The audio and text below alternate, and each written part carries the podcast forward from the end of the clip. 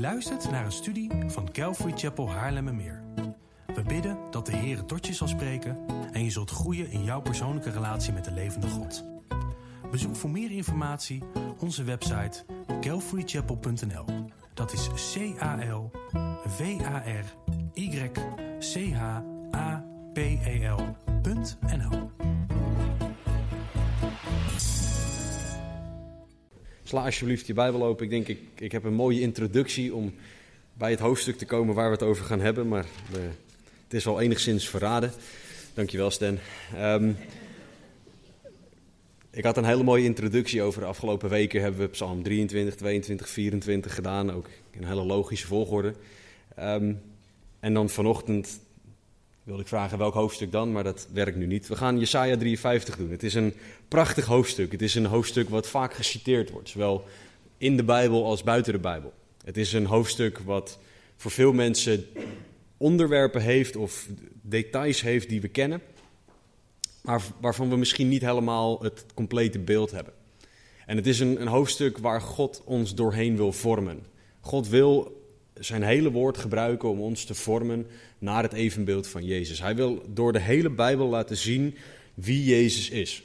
Ik weet niet of het je wel eens hebt afgevraagd, ik ben daar veel te laat mee begonnen met die vraag stellen, maar wie is de hoofdpersoon van de Bijbel? Het antwoord is Jezus. Wie is de, wie is de schrijver van de Bijbel? God de Heilige Geest. En wat doen die twee? Die wijzen en die zeggen, daar is God, God de Vader. En je kan bij God de Vader komen door God de Zoon Jezus. En de, en de Heilige Geest zegt, jij hebt redding nodig. En daar is Jezus. En we gaan vandaag gaan we zien hoe dat tot uiting komt, hoe dat werkt. We gaan kijken naar Jezus.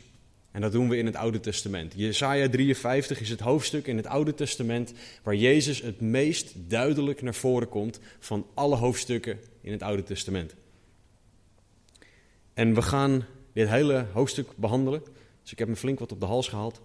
Um, maar we gaan dat doen aan de hand van drie vragen om ervoor te zorgen dat we niet vastzitten in elk prachtig detail dat we kunnen vinden, want dan zitten we hier morgen nog. Um, we gaan in vers 1 tot en met 3 gaan we de vraag beantwoorden over wie gaat dit. Ik weet dat ik het al gezegd heb, maar we gaan toch naar de details kijken om te bevestigen over wie dit gaat en hoe we dat kunnen zien. In vers 4 tot en met 9 gaan we kijken wat heeft deze persoon gedaan. En in vers 10 tot en met 12 gaan we kijken, maar hoe kijkt God de Vader nou naar dit hoofdstuk, naar wat er omschreven staat. Dus over wie hebben we het, wat, hebben, wat heeft deze persoon gedaan en hoe kijkt God hiernaar. Laten we samen Jesaja 53 lezen. We gaan hem eerst in zijn geheel lezen en daarna gaan we terug en gaan we door de details heen. Jesaja schrijft, wie heeft onze prediking geloofd en aan wie is de arm van de Heere geopenbaard? Want hij is als een lood opgeschoten voor zijn aangezicht, als een wortel uit dorre aarde. Gestalte of glorie had hij niet. Als wij hem aanzagen, was er geen gedaante dat wij hem begeerd zouden hebben. Hij was veracht, de onwaardigste onder de mensen, een man van smarten, bekend met ziekte. En als iemand voor wie men het gezicht verbergt, hij was veracht en wij hebben hem niet geacht. Voorwaar, onze ziekten heeft hij op zich genomen, ons leed heeft hij gedragen. Wij hielden hem echter voor een geplaagde, door God geslagen en verdrukt. Maar hij is om onze overtredingen verwond, om onze ongerechtigheden verbrijzeld. De straf die ons de vrede aanbrengt, was op hem. En door zijn striemen is er voor ons genezing gekomen. Wij dwaalden allen als schapen, wij keerden ons ieder naar zijn eigen weg. Maar de Heere heeft de ongerechtigheid van ons allen op hem doen neerkomen. Toen betaling geëist werd, werd hij verdrukt. Maar hij deed zijn mond niet open. Als een lam werd hij ter slachting geleid. Als een schaap dat stom is voor zijn scheerders, zo deed hij zijn mond niet open. Hij is uit de angst en uit het gericht weggenomen. En wie zal zijn leeftijd uitspreken? Want hij is afgesneden uit het, uit het land van de levenden. Om de overtreding van mijn volk is de plaag op hem geweest. Men heeft zijn graf bij de goddelozen gesteld en hij is bij de rijken in zijn dood geweest. Omdat hij geen onrecht gedaan heeft en geen bedrog in zijn mond geweest is. Maar het behaagde de Heere hem te verbrijzelen. Hij heeft hem ziek gemaakt. Als zijn ziel zich tot een schuldoffer gesteld zal hebben, zal hij nageslacht zien. Hij zal de dagen verlengen. Het welbehagen van de Heere zal door zijn hand verspoedig zijn. Om de moeitevolle inspanning van zijn ziel zal hij het zien. Hij zal verzadigd worden. Door de kennis van hem zal de rechtvaardige mijnknecht velen rechtvaardig maken. Want hij zal hun ongerechtigheden dragen. Daarom zal ik hem veel toedelen en machtigen zal hij verdelen als buit, omdat hij zijn ziel heeft uitgestort in de dood onder de overtreders is gesteld, omdat hij de zonde van velen gedragen heeft en voor de overtreders gebeden heeft. Heere God, dank u wel. Dank u wel voor dit woord. Dank u wel voor Jesaja. Dank u wel voor het feit dat u ons uw woord gegeven hebt. En het is mijn gebed dat u vandaag uw woord aan ons uitlegt. Heer, laat er niks van mij bij zitten. Alleen maar uw woorden. Heilige Geest, spreekt tot al onze harten, zodat wij zullen zien wie Jezus is. Heer, dat vraag ik in uw naam, in Jezus' naam. Amen. Waar we naar kijken in Jesaja 53 is Gods knecht. Het, is, het loopt door vanuit Jesaja 52, daar gaan we niet verder op in. Maar dit is een groter thema van redding, wat aangehaald wordt in dit gedeelte van Jesaja. En vanaf Jesaja 40 begint er een heel nieuw gedeelte, maar dat laten we voor wat het is. Het is een gedeelte waar er hoop en troost begint, omdat God laat zien hoe hij redding wil bieden. En Jesaja 53 is het meest duidelijke gedeelte in het Oude Testament waar God aangeeft hoe hij de mens wil gaan redden.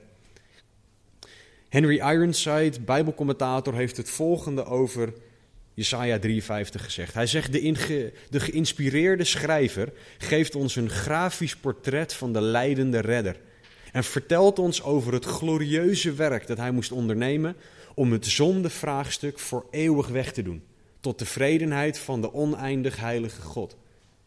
Deze geweldige messiaanse profetie wordt verschillende keren aangehaald in het Nieuwe Testament en elke keer wordt dit direct toegepast op onze Heere Jezus Christus. Wat hij hier zegt is, we gaan heel duidelijk voor ons zien. Ik denk dat de stroom in uitgevallen is, in ieder geval deels. Maar we gaan gewoon door. Misschien dat iemand een iPhone neerlegt voor de opname. Ik heb zelf geen iPhone. iPhone schijnt ook goed te doen voor de opname. Maar we zijn dus bezig met Jesaja 53. We zijn aan het kijken naar Jezus. We zijn aan het kijken naar een hoofdstuk waar Jezus, waar heel duidelijk naar voren komt. Hoe Jezus, dankjewel, hoe Jezus ons wil gaan redden.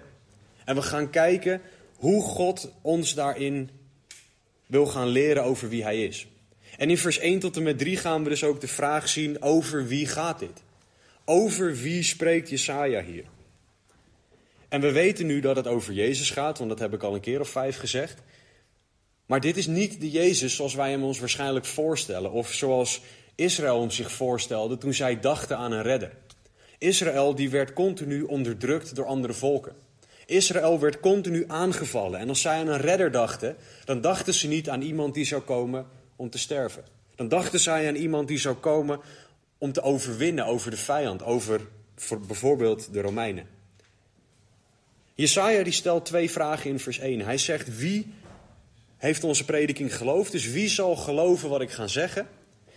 En wie zal Gods kracht zien van, van de Heere hier doorheen? Aan wie is de arm van de Heere geopenbaard? Profetie is het spreken van Gods woorden en dat is wat Jesaja hier doet.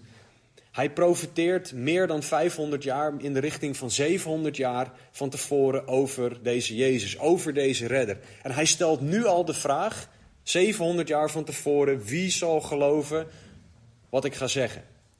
Wie zal Gods kracht gaan zien door deze profetie heen? Want deze Jezus en dit beeld over Jezus gaat in tegen alles wat men over God dacht. Dit gaat namelijk over redding die men echt nodig heeft. Niet alleen redding van onderdrukkers als de Romeinen. Dit is een beeld van wat de mensen zelf nodig hebben. We gaan zien wie Jezus is en wat de mensen echt nodig hebben. We gaan zien dat er een persoon is die sterft en die gemarteld wordt in plaats van anderen. En er wordt continu goddelijk over deze persoon gesproken. Want zijn, als er over hij gesproken wordt, is de H altijd een hoofdletter. En dat betekent dat het over een goddelijk persoon gaat. Maar dit is niet wat men dacht over redding van God.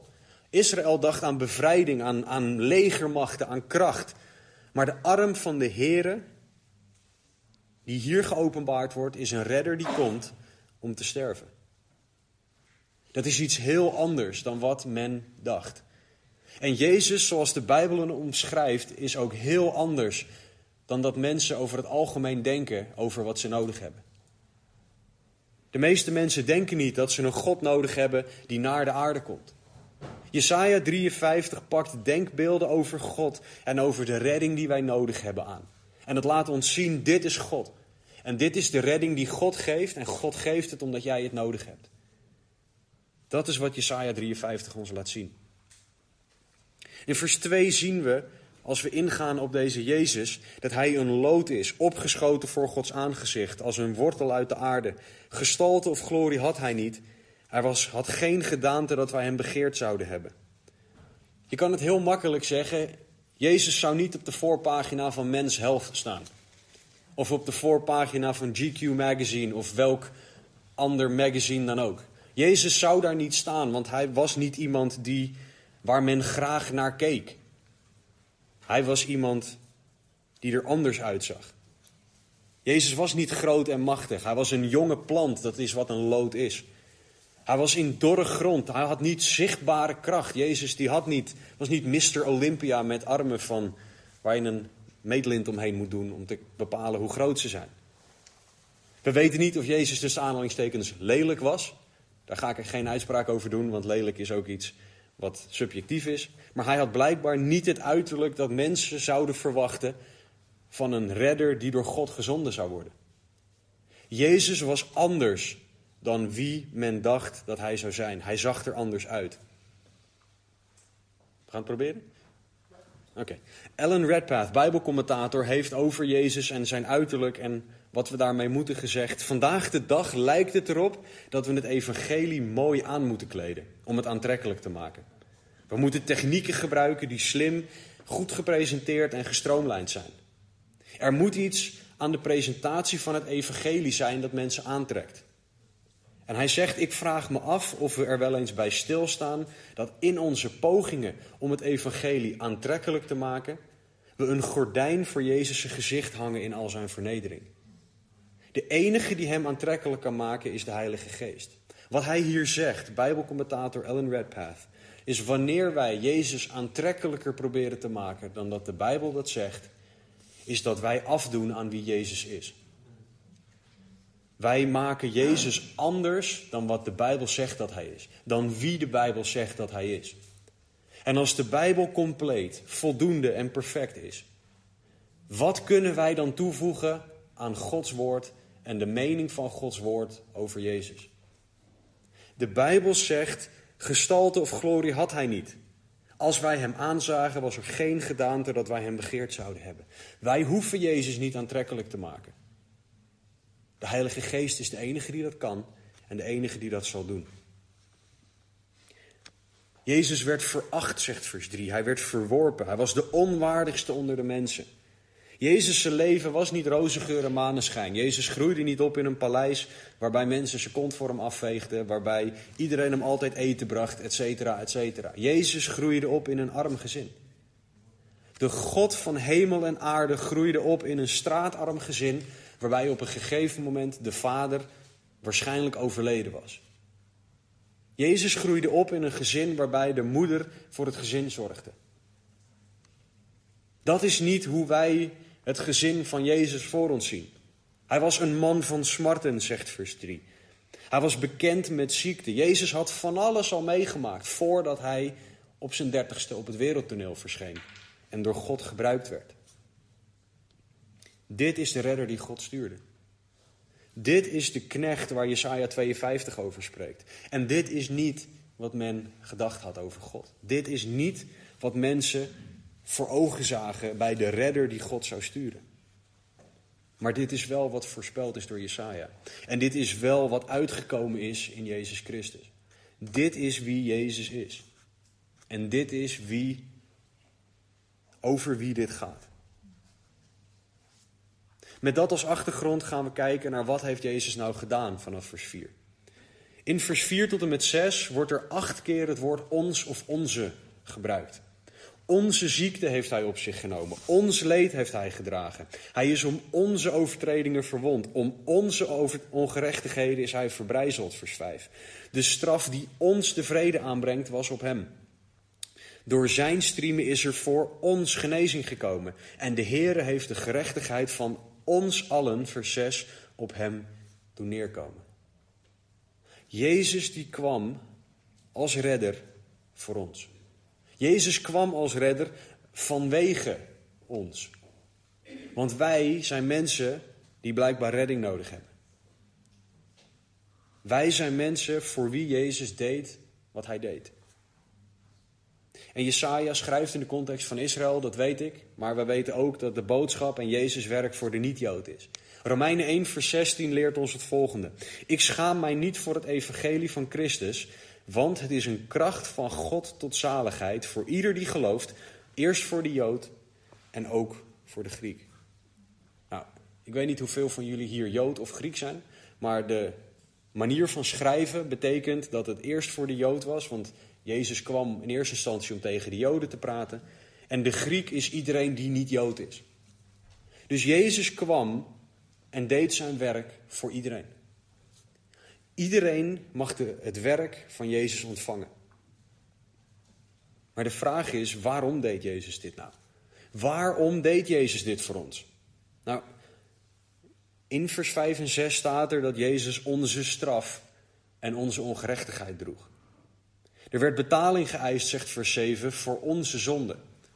En hij betaalde die prijs. En de reden staat in vers 8. Om de overtreding van mijn volk is de plaag op hem geweest. Dus onze overtredingen, mijn overtredingen, ik, Casper de Haan, mijn overtredingen hebben ervoor gezorgd dat Jezus dit kwam doen. Wat gebeurt er nou? Waar gaat dit hoofdstuk over? Het gaat over mensen die Gods wet overtreden en die daardoor redding nodig hebben. Het overtreden van Gods wet is het probleem en Gods wet is de standaard. En voor de duidelijkheid, Gods wet is niet zoals de Nederlandse wet, waarbij er mazen in de wet zijn. Gods wet is niet de Nederlandse wet, waarbij je in de Nederlandse wet het gedoogbeleid hebt. Een beetje tempo-team voor this time, we'll see it through the fingers uh, idee. Um, de wet van God ligt op perfectie. Dus God zegt tegen de mens: Ik wil dat jij perfect leeft. En God zegt niet daarna succes ermee.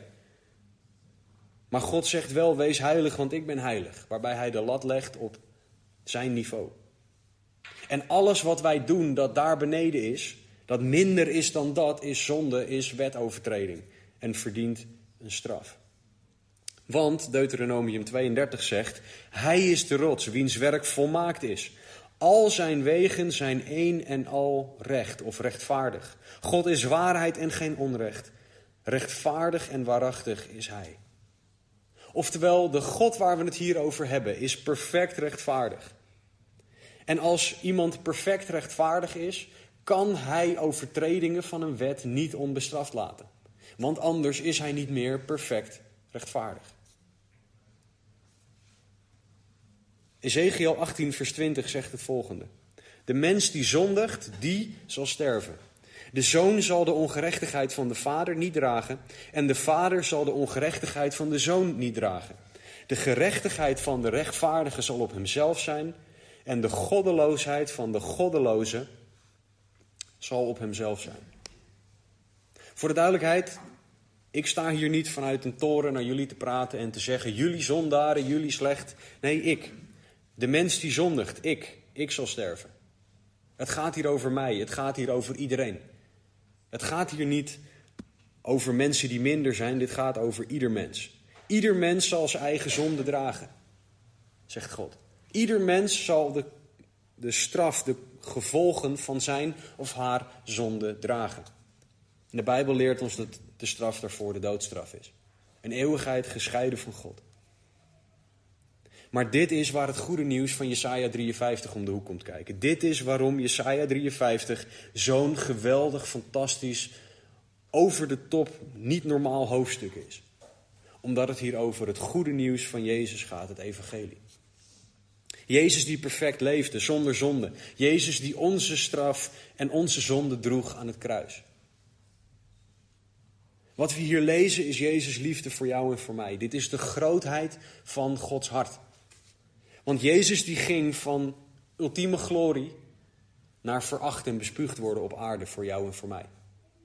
Jezus ging van vereerd worden en aanbeden worden naar sterven aan een kruis. Dat is wat Jezus deed voor jou, omdat hij van jou houdt. Wat Jezus deed voor mij, omdat hij van mij houdt. Gods liefde voor jou en voor mij is zo groot dat hij ons zonder probleem wil oplossen. Voor ons. Dat is Gods hart. En dat is wat we in Jesaja 53 zien. Ik ben opgegroeid in de kerk, dus voor mij is dit iets. Is het gevaar dat ik dit zie als ietsje, maar dat weet ik wel. En daarom was het voor mij heel goed dat God mij aanzette om dit hoofdstuk te bestuderen. Want ik mag niet onderschatten hoe groot Jezus' daden zijn. Jesaja 53 geeft ons namelijk een heel precies beeld van wat er precies met Jezus gebeurd is, omdat ik een zondaar ben. Jesaja 53 geeft ditzelfde beeld voor jou en voor jouw zonde. Want Jezus is precies zo ver voor jou als voor mij gegaan als voor ieder mens op deze aarde. We gaan nu stapje voor stapje door vers 4 tot en met 9 heen om te kijken wat Jezus nou precies voor ons gedaan heeft, omdat wij zondaren zijn. In vers 4 staat er: Onze ziekten heeft Hij op zich genomen. Ons pijn, ons leed heeft Hij gedragen, zegt vers 4. Dus onze ziekte en onze pijn heeft Hij gedragen. Hij is geslagen en verdrukt voor ons. En niet zomaar, Hij is door God geslagen en verdrukt. Als er iemand is die goed is in het uitdelen van straf, dan is het iemand die perfect rechtvaardig is. Dus Jezus ontving de perfecte straf door de perfecte God voor jou en voor mij, omdat wij niet perfect zijn. Vers 5 zegt dat Hij om onze overtredingen verwond is, om onze ongerechtigheden verbrijzeld. Door Zijn striemen is er voor ons genezing gekomen. Het woord voor verwond betekent letterlijk dat hij doorboord is. Dat is wat er met Jezus gebeurd is. Spijkers in zijn handen en in zijn voeten en speer in zijn zij. Omdat hij van ons houdt.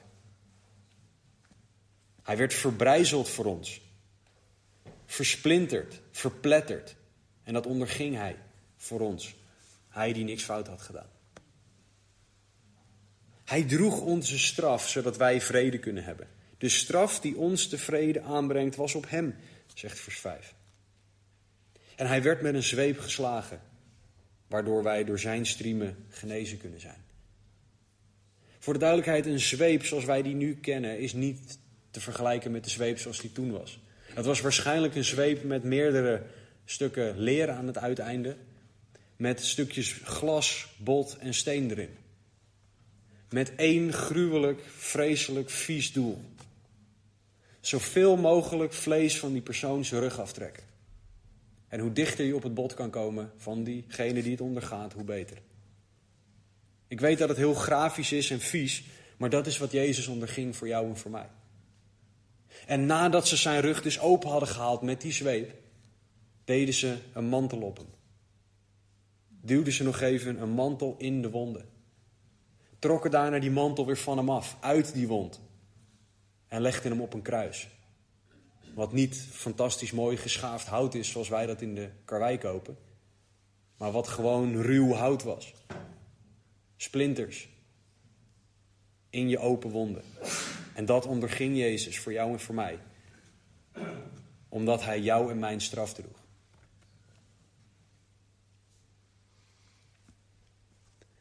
Jesaja 53, 5 door zijn streamen is er voor ons genezing gekomen, is een vers dat we goed moeten interpreteren. Sommige mensen willen dit interpreteren, willen dit lezen om lichamelijke genezing te claimen of eisen van God. Nou, voor de duidelijkheid, Jezus heeft het belangrijkste voor de mens gedaan, namelijk dat we geestelijk genezen kunnen worden. We kunnen hersteld worden van de zonde, in de zin van dat wij rechtvaardig voor Gods ogen kunnen zijn. En uiteindelijk zal ook iemand genezen, sorry, iedereen genezen zijn in de hemel. En als we in de hemel iemand voorbij zien rennen, die ons allemaal inhaalt, dan is het Arja. Die gaat uh, voor ons allemaal uitrennen. Maar we weten niet of God wil dat wij op deze aarde ook allemaal genezen worden. David Guzik heeft over dit vers gezegd: Wat christenen niet moeten doen, is dwaas claimen dat ze genezen zijn, terwijl symptomen het uiterlijke het tegendeel bewijst. En dat ze dan geloven dat ze op de belofte van Jesaja 53 staan. Wat christenen wel moeten doen, is vrijmoedig bidden en vertrouwen op Gods goedheid en barmhartigheid in het nu geven van genezing, zelfs voor de ultieme genezing bij de opstanding. Dus we mogen het vragen aan God. We mogen God vragen om ons te genezen. Maar we laten het over aan God of Hij dat doet. Want we weten dat we een toekomst hebben bij God, waarbij iedereen genezen zal zijn die in Hem gelooft. Dat is waar we naar uit mogen kijken. Dat is waar dit vers vooral over gaat. De genezing van onze ziel, zodat we bij God kunnen zijn voor eeuwig. Vers 6 zegt dat Jezus de ongerechtigheid van ons allen heeft gedragen. Jezus had nog nooit gezondigd en nu droeg hij alle zonden van alle mensen van alle tijd.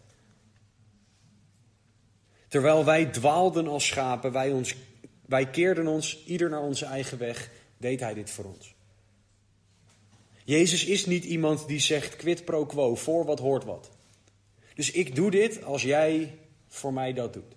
Nee, Jezus die ging all in, als je dat in blackjack taal mag gebruiken. All in ging hij hiervoor. All in ging hij voor redding. En het is aan ons om het aan te nemen. Het is aan ons om het aan te nemen. Het is aan ons om de keuze te maken. Hij stierf voor ons toen wij nog vijanden van God waren. Zegt Romeinen 5, vers 8. Vers 7 leert ons dat toen betaling geëist werd, oftewel de straf moest geïnd worden. Toen stak Jezus zijn hand op en zei hij, ik zal betalen. Hij onderging wat wij verdiend hadden. Hij onderging de doodstraf door onze zonde tegen God. Hij onderging het in stilte als een schaap dat stom is voor zijn scheerders. Jezus stond daar niet te roepen: het is, het is oneerlijk, het is oneerlijk. Nee, Jezus onderging het, omdat hij van jou en van mij houdt. Jezus onderging een rechtszaak. Het was echt een belachelijke rechtszaak, want ze hadden geen getuigen met een eenduidig verhaal. En toch zeiden ze: we veroordelen hem. Het was een belachelijke rechtszaak en hij werd veroordeeld. Hij is uit de angst en uit het gericht weggenomen. Wie zal zijn leeftijd uitspreken? Jezus had geen fysiek nageslacht.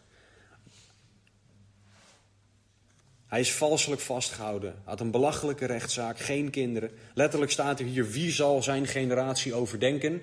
Wat een Hebreeuws iets is om over nageslacht te praten, over kinderen. En Jezus onderging dit allemaal. Hij liet het allemaal toe voor jou en voor mij. Hij werd afgesneden van het land van de levenden en droeg de plaag die wij verdiend hadden door onze overtredingen en onze zonden. Dit is het punt waar de redder, de Messias, sterft. Joodse rabbijnen hebben Jesaja 53 tot het tussen aanhalingstekens verboden hoofdstuk gemaakt, omdat het te veel over Jezus gaat. Ze zeggen dat het over Israël gaat, de rabbijnen. Maar als je in vers 8 kijkt, ik vind dit soort dingen interessant, hij is afgesneden uit het land van de levenden. Dat wijst erop dat iemand doodgaat. Israël als volk is nog nooit in zijn geheel doodgegaan. En dat zal ook niet gebeuren omdat God zijn hand op Israël heeft.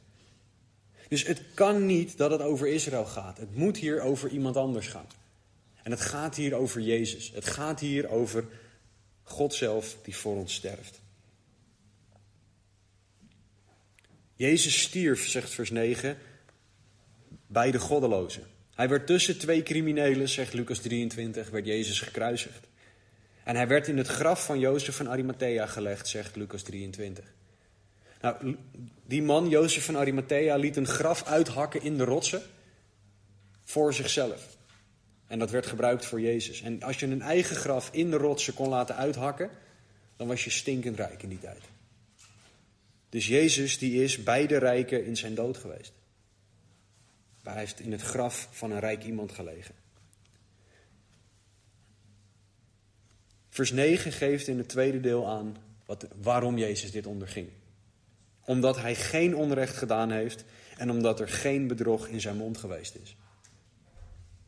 Dat is nog eens wat, om bij de rechter te komen en te zeggen: Ik heb niks fout gedaan, ik heb niet gelogen, maar toch veroordeel mij. Dat is wat Jezus deed.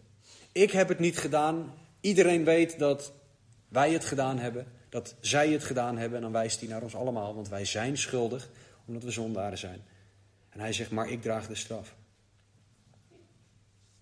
Jezus stierf zondeloos voor de zondaar, voor jou en voor mij. Onschuldig stierf voor schuldig.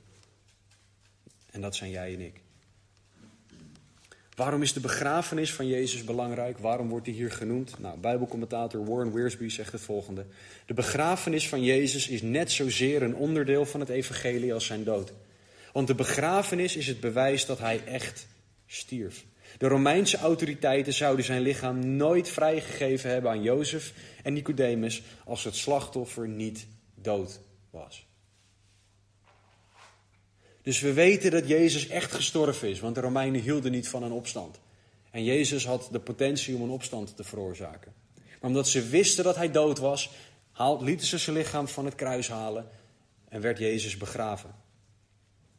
Jezus onderging dit allemaal vrijwillig voor jou en voor mij.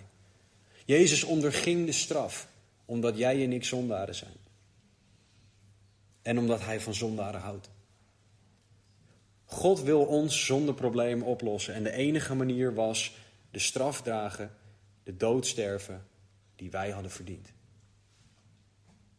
Jezus kwam om te sterven. Hij leefde om gedood te worden en was zonderloos om voor ons zonde te worden. Dat is nog eens een vooruitzicht. En Jezus wist precies wat er ging komen, want hij was God. Dit is de ultieme uiting van liefde van God naar de mens. Er staat hier niet bij, hij heeft dit gedaan behalve voor mensen die X, Y, Z gedaan hebben. Oftewel, Jezus stierf voor elke zonde. In Hebreeën staat er dat hij één keer voor alle zonden gestorven is. Er is geen zonde te groot, niemand is te ver weg. Alleen het tot aan je dood afwijzen van het werk van de Heilige Geest, dat is het zondigen tegen de Heilige Geest, zal jou niet vergeven worden. Maar voor de rest zal God, kan God je alles vergeven als jij je wil bekeren. Als jij tegen God wil zeggen: Ik heb gezondigd, vergeef me alstublieft. De vergeving staat klaar. De vraag is of jij het aanneemt. In de laatste drie versen gaan we zien hoe God hier nou naar kijkt. Want God ziet zijn zoon die hij zelf gestuurd heeft. Hij ziet de pijn en de ondraaglijke dingen die hij ondergaat. En in vers 10 tot en met 12 hebben we een heel bijzonder gedeelte, namelijk een blik in Gods hart. En het is niet de blik die we per se verwachten. Wat we hier zien is de uiting van wat Johannes 3:16 zegt. Zo lief heeft God de wereld gehad dat hij zijn enige geboren zoon gegeven heeft opdat ieder die in hem gelooft niet verloren gaat, maar eeuwig leven heeft. God zelf zond Jezus. Hij gaf Jezus. Daarom is het belangrijk dat wij weten wat God hiervan vindt. In vers 10 staat er: Het behaagde de Heer hem te verbrijzelen. Dat is niet wat ik had verwacht. Hij heeft hem ziek gemaakt. Dat is niet wat ik had verwacht. Hoe kan het dat een God die liefde is, dit doet? Hoe kan het dat God dit doet? God zelf verbrijzelde Jezus en maakte hem ziek. Het, de, de woorden voor het behaagde de Heer wijzen erop dat God vreugde vond in wat er gebeurde. Lijkt het misschien niet veel beter te maken, maar wat dat betekent is dat God geen vreugde vond in het feit dat Jezus dit onderging. Maar hij vond vreugde in wat er daarna kwam. Wat het gevolg was van wat er gebeurde. Jezus droeg namelijk de straf door al deze dingen, waardoor wij nu bij God kunnen komen. Dat is wat er gebeurde. En hoe dat gebeurde, dat zijn de details die we in vers 4 tot en met 9 hebben gelezen. Het wat en het hoe moeten we goed scheiden hier. Wat er gebeurde was redding en dat gebeurde op een manier die voor mensen verschrikkelijk is. die ondraaglijk is, die niet te bevatten is. Maar het wat is de redding en daar vond God vreugde in. Dat is wat God blij maakte met dat hij de straf over Jezus kon uitgieten. Want hij wist dat Jezus voor ons de weg zou openmaken. Hebreeën 12:2 zegt over Jezus die dit onderging. Hij heeft om de vreugde die hem in het vooruitzicht was gesteld, het kruis verdragen en de schande veracht en zit nu aan de rechterhand van de troon van God. Dat is Jezus' blik op dit verhaal. Hij keek vooruit. Hij vond het niet leuk om, om er doorheen te gaan, maar hij keek verder naar de redding die er voor jou en voor mij mogelijk is. Vers 10 zegt van Jesaja 53 dat zijn ziel tot een schuldoffer gesteld is. Dat wijst naar Leviticus 5, wat een, een offer was voor mensen die gezondigd hadden. Dit werd gebracht door iemand die van zichzelf erkende dat hij of zij een zondaar was. Dus Jezus is gekomen, Jezus is gestorven voor mensen die van zichzelf erkennen dat ze een zondaar zijn. Een onschuldig dier moest sterven in Leviticus 5 om zonde te dragen voor een schuldig mens. Jezus is het lam van God, zegt Johannes 1,29. Hij is ons offer geworden, zegt Hebreeën 10. En de onschuldige stierf voor de schuldige, zodat de schuldige vrijgesproken kon worden. Want de straf was gedragen. Het lam moest perfect zijn in Leviticus, de zondaar niet. Het lam werd geïnspecteerd op perfectie, de zondaar niet. De zondaar leunde op het lam tijdens het proces van offeren, niet andersom. En dit is waarom het zo belangrijk is dat we het hier over Jezus hebben. Want Jezus is dat lam, Jezus is perfect en wij mogen op Hem leunen voor onze redding. De vraag is, neem jij aan wat Jezus voor jou gedaan heeft? De vraag is, erken jij dat jij een zondaar bent die Jezus nodig heeft? De vraag is, ga jij, of je nou al 20, 30, 40, 50 jaar gelooft, nu nog met alles naar deze Jezus toe? Paulus die zei, ik heb mij voorgenomen niks anders te prediken dan Jezus Christus en die gekruisigd. In elke situatie heb jij Jezus Christus en die gekruisigd nodig. Of je Jezus nou al kent of niet. Of je nou je leven lang wandelt met Hem of niet. In alles Jezus Christus en die gekruisigd. De vraag is of jij Hem aanneemt en het naar Hem uitroept of niet. In vers 10 gaat het verder, want het eindigt niet bij Jezus dood. Hij zal nageslacht zien, hij zal de dagen verlengen en het welbehagen van de Heer zal door zijn hand voorspoedig zijn. Het kruis is niet het einde, er is leven na het kruis. En dat leven na de opstanding, daar is het welbehagen van de Heer in, zegt vers 10. Zo geldt dat dus ook voor ons. Leven in Christus is niet meer vijand van God zijn, maar een geliefd kind van God zijn. Niet langer afstand van God maar dicht aan zijn hart. Jezus' overwinning over de dood is volledig, want hij droeg de straf die de dood was en daarna lachte hij de dood uit door uit de dood op te staan. Dat is wat Jezus gedaan heeft voor jou en voor mij. Vers 11 leert ons dat Jezus werk een moeitevolle inspanning was. Hij zal verzadigd worden voor die moeitevolle inspanning. Het tweede deel van vers 11 is geweldig voor iedereen vanochtend. Door de kennis van Hem zal de rechtvaardige, mijn knecht, velen rechtvaardig maken, want Hij zal hun ongerechtigheden dragen. Het idee hier is dat je Hem leert kennen en blijft leren kennen. Het idee is dat jij Hem kent en elke dag Hem beter leert kennen, omdat er nog zoveel meer is om Jezus in te kennen. Het resultaat van wat Jezus hier gedaan heeft, is dat wij Hem mogen kennen. Hoe bijzonder is dat? Hoe bizar is het dat wij de God van hemel en aarde mogen kennen? Johannes 17:3 zegt het als volgt: Dit is het eeuwige leven, dat zij U kennen, de enige waarachtige God en Jezus Christus die U gezonden hebt. Eeuwig leven is God kennen. Jezus kennen redt van het effect van zonde. Jezus kennen redt van de eeuwige dood. Jezus kennen is nieuw leven. De vraag is, ken jij Jezus? Vers 12 eindigt met iets dat prachtig is voor Jezus. En daarmee voor ons. Want God beloont Jezus.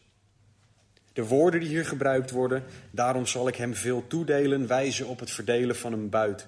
Machtigen zal hij verdelen als buit staat.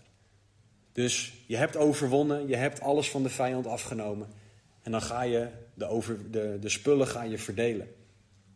Dat is wat er hier gebeurt. Hij krijgt veel en hij krijgt machtigen. Alles dat waardevol is in Gods ogen, dat de vijand had, wordt van Jezus. Jezus zijn overwinning is compleet. Jezus zijn overwinning is volledig. En wat prachtig is, is waar vers 12 mee afsluit. Waarom krijgt Jezus dit? Waarom ontvangt Jezus dit? Nou, omdat hij zijn ziel heeft uitgestort in de dood, onder de overtreders is gesteld, omdat hij de zonde van velen gedragen heeft en voor de overtreders gebeden heeft. Dit is waarom Jezus alle lof en eer gaat krijgen die hem toekomt. Waarom elke knie zal buigen, zoals Filippenzen 2 zegt. Dit is waarom Jezus het waard is om in te geloven en om hem lief te hebben. Dit is waarom Jezus het waard is om je leven aan over te geven. Zoals al eerder gezegd, geen zonde is te groot. Ik weet niet wat jij allemaal op je kerfstok hebt, dat weet jij wel. God weet het ook. En hij zegt, al zo lief had God de wereld. Iedereen. Hij zegt niet, al zo lief had God de wereld, behalve... Nee, God houdt van iedereen. En Jezus kwam om jou te redden, iedereen te redden. De vraag is of jij hem aangenomen hebt. Of jij Jezus werk aan het kruis voor jou aanneemt. Erken jij dat jij een zondaar bent die Jezus nodig heeft? De keuze is aan jou. Of jij Jezus aanneemt of niet. De vraag is voor jullie die Jezus al kennen. Of jullie leven naar wat Jezus voor jullie gedaan heeft. De vraag is of jullie met alles naar deze Jezus toe gaan. Of dat je Jezus ziet als tussen aanhalingstekens alleen nodig voor redding. Die neiging hebben we allemaal om Jezus als een soort toegangspas te zien tot de hemel en daarna op een andere manier dingen te gaan doen.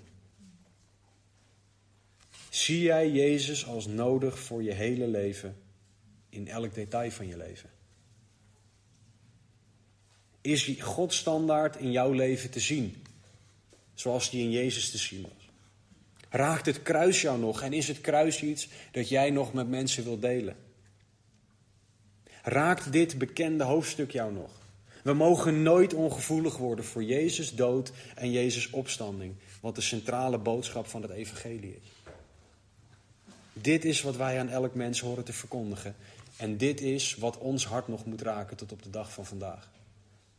Want dit is wat redding biedt. Laten we bidden. Heere God, dank u wel voor uw woord. Dank u wel voor uw genade. Dank u wel voor ja, Heer Jezus, dank u wel dat u gekomen bent. Dank u wel dat u gestorven en opgestaan bent, terwijl u dat niet verdiende. Terwijl u het niet verdiende om te sterven, bent u voor mij gestorven en bent u voor mij opgestaan. Terwijl u het niet verdiende, bent u voor mij gemarteld, bent u voor mij, bent u zo ver gegaan. Heer, dank u wel voor de zegen dat ik u mag kennen. Dank u wel voor de genade dat u goed bent. En Heer, dank u wel dat u uw redding aan iedereen aanbiedt. Heer, u weet wie hier zit. U weet of hun hart wel of niet aan u overgegeven is.